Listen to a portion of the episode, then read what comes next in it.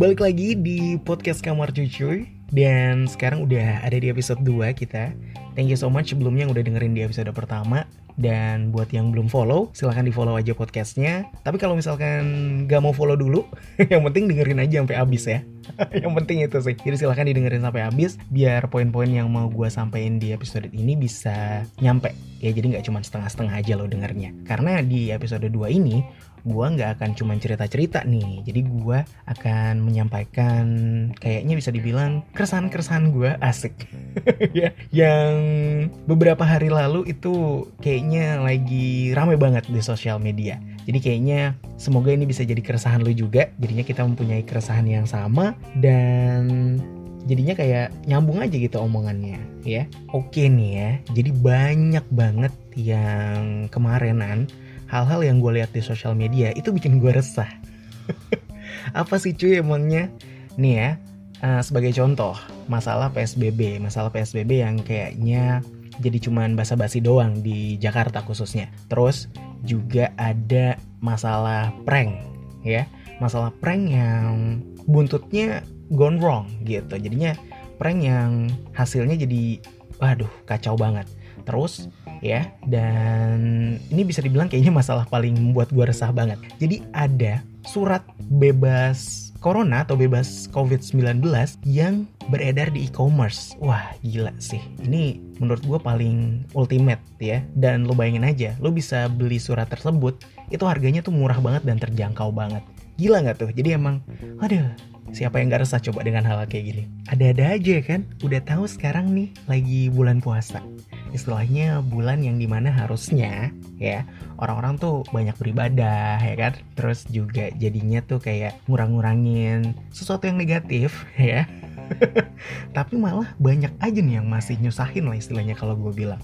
Jadinya kayak ada paling istilahnya bikin emosi doang ya. Jadinya yang lagi puasa liatin hal-hal yang kayak gini tuh kayaknya pahala puasanya berkurang. Karena pengen maki-maki aja bawaannya jempolnya tuh udah siap ya. Di kolom komentar untuk bales tweet orang gitu deh. Pokoknya udah siap deh intinya jempolnya. Jadi kayak udah ada udah ready banget untuk marah-marah di sosial media. Padahal intinya kalau kita marah-marah aja kalau yang puasa nih ya yang puasa tuh udah aduh udah berkurang banget deh puasa puasanya.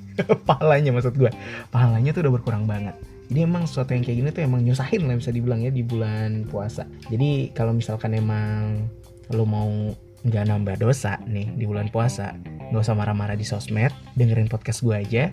Tapi kalau lo dengerinnya lo belum sholat kayaknya sama aja sih ya. Jadi sholat dulu deh ya. Kalau pas record ini gue udah sholat kok. Jadinya udah aman. Jadi langsung aja kali ya kita bahas satu-satu dulu nih. Yang pertama tadi gue bilang ya kan masalah PSBB yang kayaknya diterapkan tapi tidak terlalu efektif ya apalagi khususnya di Jakarta. Karena yang kemarin contoh kasusnya nyata banget ya di Twitter dan langsung jadi masalah banget, langsung heboh banget ya, langsung banyak istilahnya netizen yang tiba-tiba pedes ya terhadap hal yang satu ini. Jelas banget karena ini tuh waduh, gue kalau lihatnya sih aneh banget ya. Jadi ada McD di daerah Sarinah yang sedang mengadakan sebuah perpisahan. Tapi sayang ya, perpisahan tersebut dihadiri tuh oleh banyak banget orang dan orang-orang tuh kayak dengan bangganya gitu datang ke sana. Padahal kita tahu keadaan sekarang tuh lagi tidak memperbolehkan ya untuk berkumpul secara rame-rame kayak gitu. Dan sorry to say banget, gue mau bilang itu adalah sebuah kebodohan ya, di mana yang katanya ya yang gue denger-denger juga itu McD tuh nggak akan tutup selamanya gitu loh. Terus katanya tuh nanti juga kalau misalkan renovasi di sana udah selesai ya, itu katanya mau ditawarin untuk buka lagi juga. Terus jadi orang-orang yang datang ke sana tuh kemarinan ramean sampai nyalain lilin segala macam itu tuh ngapain? McD tuh cabangnya banyak di Mataram aja di Lombok ya itu ada dua ya. Dan menurut gue tuh aduh itu sesuatu yang bisa dihindari lah ya. Nggak penting-penting banget datang ke McD cuman mengatasnamakan kenangan tapi pikirannya dilupakan. Ya kan? Jadi pikirannya tuh ditinggalkan gitu nggak dipakai. Jadi kayaknya sayang banget sih. Tapi emang gitu sih ya. Kalau ngikutin hati nih emang selalu bikin sakit mulu Nah, udah beres nih sama kasus McD yang tadi tuh kalau nggak salah ya gue sempet baca di hari gue record ini itu McD-nya udah didenda. Didenda kalau nggak salah 10 juta gue baca di Invia Fact di Instagram. Jadinya kayaknya udah clear tuh masalah McD. Ya masalah McD dan juga keramaiannya yang kemarin. Tapi ada loh ya yang lebih rame daripada McD. Jadi ini kalau gue bilang kasus yang lebih gede daripada sekedar penutupan McD yang dihadiri oleh banyak orang, yaitu adanya pembludakan penumpang di Terminal 2 Bandara Soekarno-Hatta. Dan ini terjadi karena ya kalau dilansir dari Instagramnya JKT Info itu bilang katanya PT Angkasa Pura bahwa alasan terjadinya penumpukan penumpang yang ada di Terminal 2 Bandara Soekarno-Hatta tadi itu karena ada 13 jadwal penerbangan yang jadwalnya berdempetan. 13 penerbangan. Lo pada mau ke mana sih? Kalau dipikir-pikir ya, pada mau ke mana sih? Itu 13 penerbangan tuh banyak. Gue aja waktu itu flight ke sini itu full. Jujur ya pesawat itu full dan itu di tanggal 23 April, sehari sebelum ditutup bandara untuk penerbangan komersil waktu itu. Dan itu pesawatnya full. Dan gue gak bisa bayangin nih, 13 penerbangan itu orang mau ke mana sih? gue masih kayak, ah, ini orang pada mau ke mana dah? Pada mau pulang kampung ya? Gitu. Dan jadi memang wah nggak kebayang sih. Dan dari instagramnya at USS Fits juga dia posting dengan caption kalau udah ada 5.700 orang per hari di minggu kemarin yang bolak-balik keluar masuk Jakarta lewat Bandara Soekarno-Hatta. 5.700 orang per hari rata-ratanya lagi. Dan kalau lu bisa matematika yang which is di mana gue tidak terlalu jago sekarang aja yang kena covid di Indonesia itu ada 16 ribuan something ya tadi gue lihat dan 5.700 tuh berarti ya kurang lebih sepertiganya kan jadi kayak aduh ini tuh orang makin banyak aja ya yang berkeliaran Padahal situasi udah kayak gini, situasi udah genting ya, bisa dibilang udah genting banget. Dan kayaknya PSBB ataupun sesuatu yang disarankan oleh pemerintah ini kayaknya udah nggak terlalu efektif banget jadinya. Sayang sih kalau gue bilang. Padahal PSBB itu adalah sebuah saran yang luar biasa di mana kita tidak perlu lockdown, di mana kita tidak perlu harus benar-benar full di rumah aja, tapi kayaknya disalahgunakan gitu ya. Karena apa mungkin terlalu longgar kali ya. Jadi gue nggak tahu juga. Mungkin kalau misalkan ada pihak-pihak yang kompeten gue ajak podcast, wah kayaknya lebih seru kali ya. Dan setelah masalah PSBB, ada juga masalah ini nih yang lebih parah kalau menurut gue. masalah prank yang di mana pranknya tidak pakai otak dilakukannya ya alias nggak ada halaknya ini prank-prank yang kategorinya adalah goblok. Kalau menurut gue udah kelewatan batas dan memang akhirnya gone wrong juga. Akhirnya pada ditangkapin sama polisi. Hmm emang enak. Contoh kasus yang pertama adalah Ferdian Paleka the one and only ya siapa lagi heboh banget kasusnya di semua sosmed. Dihina-hina dia dicaci maki dia oleh para netizen. Yang mungkin saat itu sedang berpuasa dan pahalanya berkurang karena Ferdian Paleka ya kan? Karena Ferdian Paleka ini udah kelewatan banget. Dia ngeprank ngasih sumbangan ya. Wah ini kan kalau dilihat kayaknya bagus banget ya ngasih sumbangan. Eh tapi bohong. Sumbangannya. Isinya itu sampah-sampah sama batu coy bayangin deh ini otaknya di mana sih? Kayaknya video breakdownnya Chandra Leo yang di YouTube tuh ya yang nge-breakdown editing videonya yang memang sarkastik banget. Ya hapus bagian palanya Ferdian Paleka terus wah nggak ada otaknya nih. Kayaknya bener tuh nggak ada otaknya emang nih orang ya. Akhirnya setelah drama-drama yang terjadi setelah dia sempat buron itu akhirnya dia ditangkap polisi pada kemarin ya pada 8 Maret kalau nggak salah itu. Eh 8 Maret deh tuh kan. Kok jadi Maret sih? 8 Mei maksud gue 8 Mei akhirnya dia ditangkap polisi dan kasusnya selesai. Dan ditangkapnya kayaknya mau kabur gitu lagi ya. Wah keren banget tuh. Gue lihat di Instagram Lambe Turah. Cuy cuy.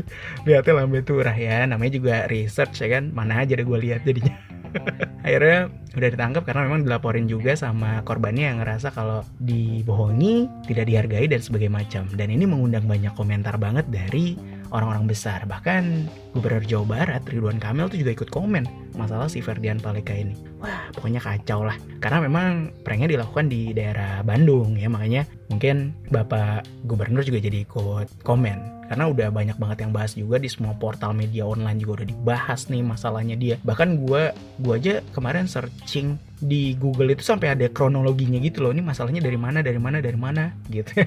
Sampai ada. Akhirnya kemarin udah beres udah ditangkap sama polisi karena memang udah dilaporin juga sama korbannya. Wah intinya menyenangkan ya. Kayaknya prankster prankster nih akhirnya bisa ketangkep juga sama polisi. Mungkin amarah netizen ini bisa mereda karena udah ditangkap deh sama polisi ya kan? Ferdian Paleka udah ditangkap polisi guys. Ya jadi udah aman. Tapi ada lagi yang bikin prank lebih gila daripada Ferdian Paleka. Dan ini cewek. Ya jadi ini beritanya gue baca dari websitenya USS Fit jadi silahkan kalau mau cek beritanya dari sana. Jadi ada cewek ya bersama dengan teman-temannya di daerah Bone Sulawesi Selatan yang ngeprank juga. Tapi yang di prank bukan waria bukan di jalanan ya dilakukannya tapi di rumah sakit. Hmm epic nggak tuh? rumah sakit di prank luar biasa. Dan yang di prank itu nggak cuma satu rumah sakit tapi dua. Kenapa dua? Karena dia ngaku di rumah sakit yang pertama itu dia positif corona. Bukan ngaku positif corona sih sebenarnya. Dia minta dites corona karena dia bilang dia udah kontak dengan orang yang positif corona. Itu yang dia bilang di rumah sakit yang pertama. Dan akhirnya rumah sakit yang pertama nggak punya ini dong ya, nggak punya kapasitas untuk nanganin pasien COVID. Otomatis dia langsung dirujuk ke rumah sakit yang satuan lagi tuh ya, rumah sakit yang agak lebih besar yang jadi rujukan untuk pasien COVID di daerah Bone Sulawesi Selatan. Jadinya udah beres tuh di rumah sakit yang pertama dirujuk dan langsung dong ditanganin sesuai dengan pasien COVID karena memang langsung dirujuk kan dari sebuah rumah sakit. Jadi nggak mungkin ngaco-ngaco jadi langsung ditanganin. Tapi pas dicek rumah sakitnya curiga. Kok ini nggak ada tanda-tanda covid ya? Kok ini nggak demam suhu tubuhnya normal segala macam dan yang paling kocak kalau menurut gue malah kecium bau alkohol dari mulutnya si cewek ini. Jadi bisa gue simpulkan cewek ini melakukan prank di bulan puasa ya di bulan Ramadan. Dan dalam kondisi mabok.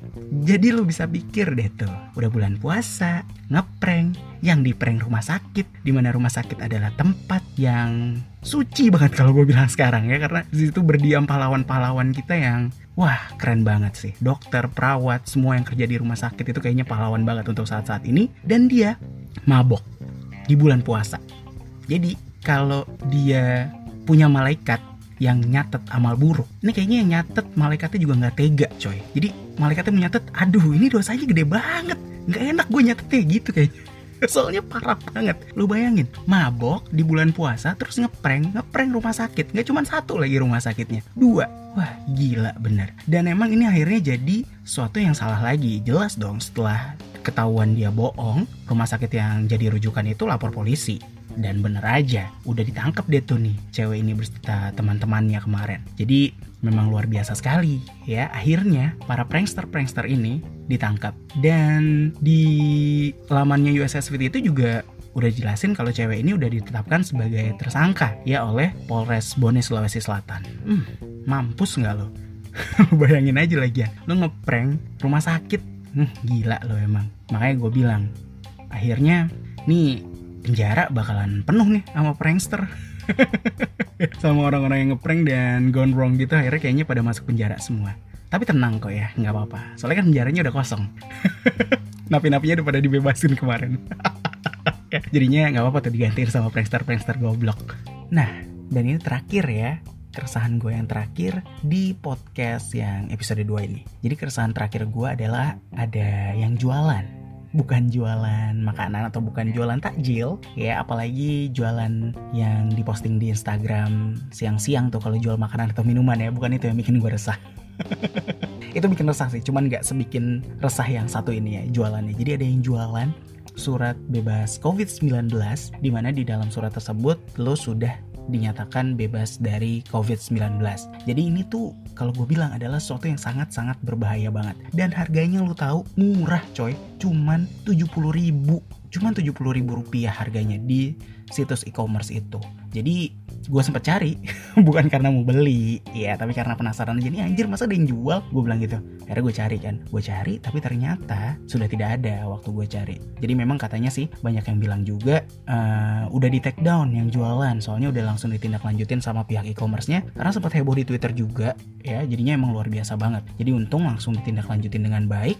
Jadinya akhirnya bisa ditanggulangi dengan cepat juga. Lu bayangin deh harganya tuh 70 ribu dan itu adalah sesuatu yang bakalan dikorbanin orang banget sih 70 ribu rupiah hanya untuk mendapatkan surat itu. Apalagi orang yang udah ngebet banget pulang kampung orang yang udah ngebet banget pengen ketemu sama keluarganya orang yang udah ngebet banget pengen ketemu sama pacarnya mungkin yang LDR atau sama istrinya atau suaminya. Jadi itu bakalan dilakuin banget bakalan dibeli banget. Apalagi itu jadi salah satu syarat wajib ya untuk lo punya kalau lo mau berpergian. Jadi kayak aduh gila sih gue bilang. Dan lo kan nggak tahu apa yang ada di badan lo kalau lo nggak beneran tes gitu maksud gue jadi ini adalah sesuatu yang lebih berbahaya lagi lebih ultimate lagi nih gila. Lu di prank istilahnya sama surat dan ini tapi lebih kacau. Dan kalau gue baca-baca kolom komentarnya Instagram USS Fit ya kemarin itu katanya ada yang jualan paketannya juga coy. Ya Allah paketan. Ada paketannya. Ada paketan sama surat bebas lab. Eh surat bebas lab. Surat lab bebas corona ya jadi ada yang menyatakan kalau hasil labnya itu negatif corona gitu maksud gue jadi di situ dah. Jadi ada paketannya sama surat tersebut. Jadi kalau sama paketan surat tersebut itu harganya jadi 90 ribu rupiah ya jadi istilahnya lo kalau makan pizza yang large aja lebih mahal coy daripada itu. Ya, ini cuma 90 ribu rupiah gila makanya gue bilang ini paling nggak bener di, di antara yang lain di antara masalah psbb yang masih nggak efektif terus juga masalah prankster prankster yang ditangkapin sama polisi karena pranknya goblok. Ini paling goblok nih paling gila banget. Soalnya lu bayangin aja men ini harusnya di mana lu bener-bener legit diperiksa lu baru bisa dapat surat ini dan lu cuma bisa beli gitu aja. Ada. Jadi yang mau mudik atau yang mau pulang kampung gak usah deh beli ya. Toh udah nggak ada juga di e-commerce tersebut. Udah di take down juga yang jual. Jadi kayaknya ada udah deh ya. Nggak usah deh beli-beli gini. Mau ngapain sih emang? Mudik? Aduh nggak usah deh ya. Atau mungkin lo nggak mudik kali ya mau pulang kampung. Kan soalnya beda tuh. Kalau gua aja nih ya paling banter dulu tuh malah minta surat keterangan sakit. Bukan minta surat keterangan sehat atau bebas dari sebuah penyakit. Minta surat keterangan sakit supaya gue bisa cabut kuliah supaya cabut kuliahnya santai nggak mikir ya kan? Dan itu juga mintanya sama orang dalam. Kalau nggak ada orang dalam nggak nggak bisa soalnya. Jadi memang itulah ya yang gue bilang ada sekarang tuh lagi ah, gila banget deh apa pun dilakuin demi sesuatu yang ya mungkin dirindukan atau dikangenin juga. Jadinya mau itu beli surat palsu ya mau itu tidak ada physical distancing ataupun tidak ada social distancing di bandara ya apa pun akan dilakukan demi mendapatkan tujuannya yaitu pulang kampung ataupun mudik. Dan memang kalau menurut gue kayaknya nggak usah dulu deh ya ditahan aja please banget karena buat yang udah di rumah terus aja ngelihat masalah McD aja tuh sakit banget kemarin. Sumpah jadi banyak banget yang cerita banyak banget yang gue baca tweet-tweetnya tuh kayak terus gue di rumah dua bulan nggak berguna gitu terus lo pada ke McD itu aja baru ke McD lo bayangin. Yang notabene ada di Sarinah masih di sekitaran Jakarta. Apalagi kalau lo berpergian ke daerah lain dan yang dari daerah lain masuk ke Jakarta. Jadi please banget kalau menurut gue ya udahlah kita sama-sama saling menghargai aja. Buat yang udah di rumah aja thank you so much banget buat udah di rumah aja nggak ke mana-mana. Buat yang emang masih harus bekerja ya bekerja apalagi emang nggak bisa untuk WFH jadinya tetap pakai masker tetap jaga kebersihan diri tetap jaga diri lah intinya kayak gitu jadi emang harus banget kita sama-sama harus banget kita bareng-bareng kalau ini semua mau selesai aduh gue kangen banget main sebenarnya gue tuh kalau mau pulang ke Depok ya niatnya mau main sama teman-teman gue gue mau jalan-jalan, mau nongkrong. Ini juga udah nggak tahu nih tempat nongkrongan di Depok yang mana. makanya gue bilang, nih corona cepet-cepet beres dah ya. Gue kangen kangen kenapa cuy? Kangen pengen lihat Margonda. Gue gue belum lihat Margonda dari kemarin soalnya.